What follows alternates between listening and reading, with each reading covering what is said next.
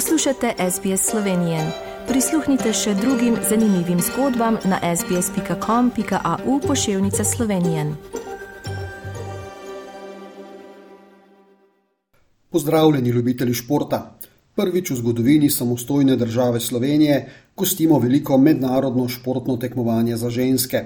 Evropsko prvenstvo v rokometu za ženske se je namreč prevesilo že v drugo polovico, slovenska javnost pa je vsaj zaenkrat navdušena nad predstavami slovenskih rokometašic, katerih najboljša uvrstitev do sedaj na evropskih prvenstvih je bila deveto mesto leta 2004.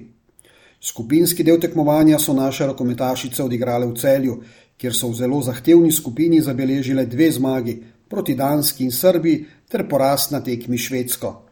S tem so si priigrali nastop v drugem delu tekmovanja, ki sedaj poteka v Ljubljani, in že v prvem nastopu so pokazali najboljšo predstavo doslej, ter so kar z osmimi goli razlike ugnale Hrvatice, ki so na zadnjem prvenstvu osvojile bronasto medaljo. Slovenske rokometašice bodo v drugem delu tekmovanja odigrale še dve tekmi in sicer v ponedeljek proti Norveški ter v sredo proti Mačarski. Dve najboljši reprezentanci iz naše skupine pa se bosta na koncu uvrstili v polfinale. Druga vesela novica je danes prišla iz Izraela, kjer je slovenska košarkarska reprezentanca odigrala eno izmed odločilnih tekem v kvalifikacijah za uvrstitev na svetovno prvenstvo v košarki, ki bo septembra prihodnje leto v Indoneziji ter na Japonskem. Zaradi prekrivanja igranja reprezentančnih tekem, tekmovanja v Euroligi, nenastopanja igralcev iz lige NBA ter tudi nekaterih poškodb sta bila v naši reprezentanci zgolj dva košarkarja iz reprezentance, ki je letos nastopila na Evropskem prvenstvu v Nemčiji. Vseeno je naša pomlajena vrsta odigrala odlično in premagala Izrael s 75 proti 62.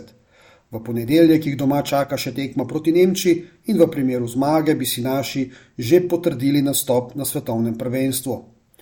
Ko smo že pri košarkarjih, poglejmo še v Ligo NBA, kjer ob začetku sezone z odličnimi individualnimi predstavami blestita tako Luka Dončić v dresu Dallas Mavericksov kot Goran Dragič v dresu Chicago Bullsov. Košarkarji Olimpije pa žal nadaljujejo s porazi v evropskem tekmovanju Eurocup. Na zadnji tekmi so v gosteh izgubili v Benetkah in ostajajo brez zmage v štirih nastopih. Ljubljančani so tudi zaradi poškodb zapadli v rezultatsko krizo tudi v Adranski ligi, kjer so doma izgubili z ekipo FNP iz Beograda, kar je bil njihov drugi poraz v petih nastopih. Začela se je nova sezona svetovnega pokala v smučarskih skokih. Po slabi predstavi na uvodni tekmi v Visli na Polskem, ko se nikomer od naših ni uspelo vrstiti med najboljšo 15-terico, je bil Anžela Nišek odličen drugi na drugi tekmi sezone.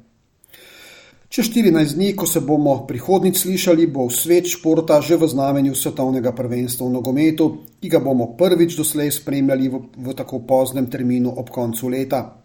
Nekoč so dejali, da ko se začne mundial, se svet ustavi. Letos verjetno ne bo povsem tako, vseeno pa bo pozornost vsega sveta usmerjena v Katar in v nastope 32 najboljših reprezentanc na svetu. Med njimi žal ne bo Slovenije, ki se je na mundial v 32 letih svoje zgodovine uvrstila že dvakrat, leta 2002 in 2010.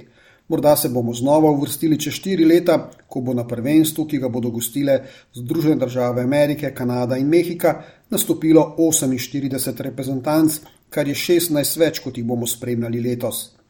Boste pa zagotovo prvenstvo še bolj podrobno spremljali v Avstraliji zaradi nastopa avstralske reprezentance, ki se bo v skupinskem delu pomerila s Francozi, Tunizijo in Dansko. To je bil današnji pregled športnega dogajanja v Sloveniji. Tudi tokrat sem ga za vas pripravil Tomaš Ambrožič, ki vas lepo pozdravlja in želim veliko uspeha avstralski nogometni reprezentanci. Všečkaj, deli, komentiraj. Spremljaj SBS Slovenijo na Facebooku.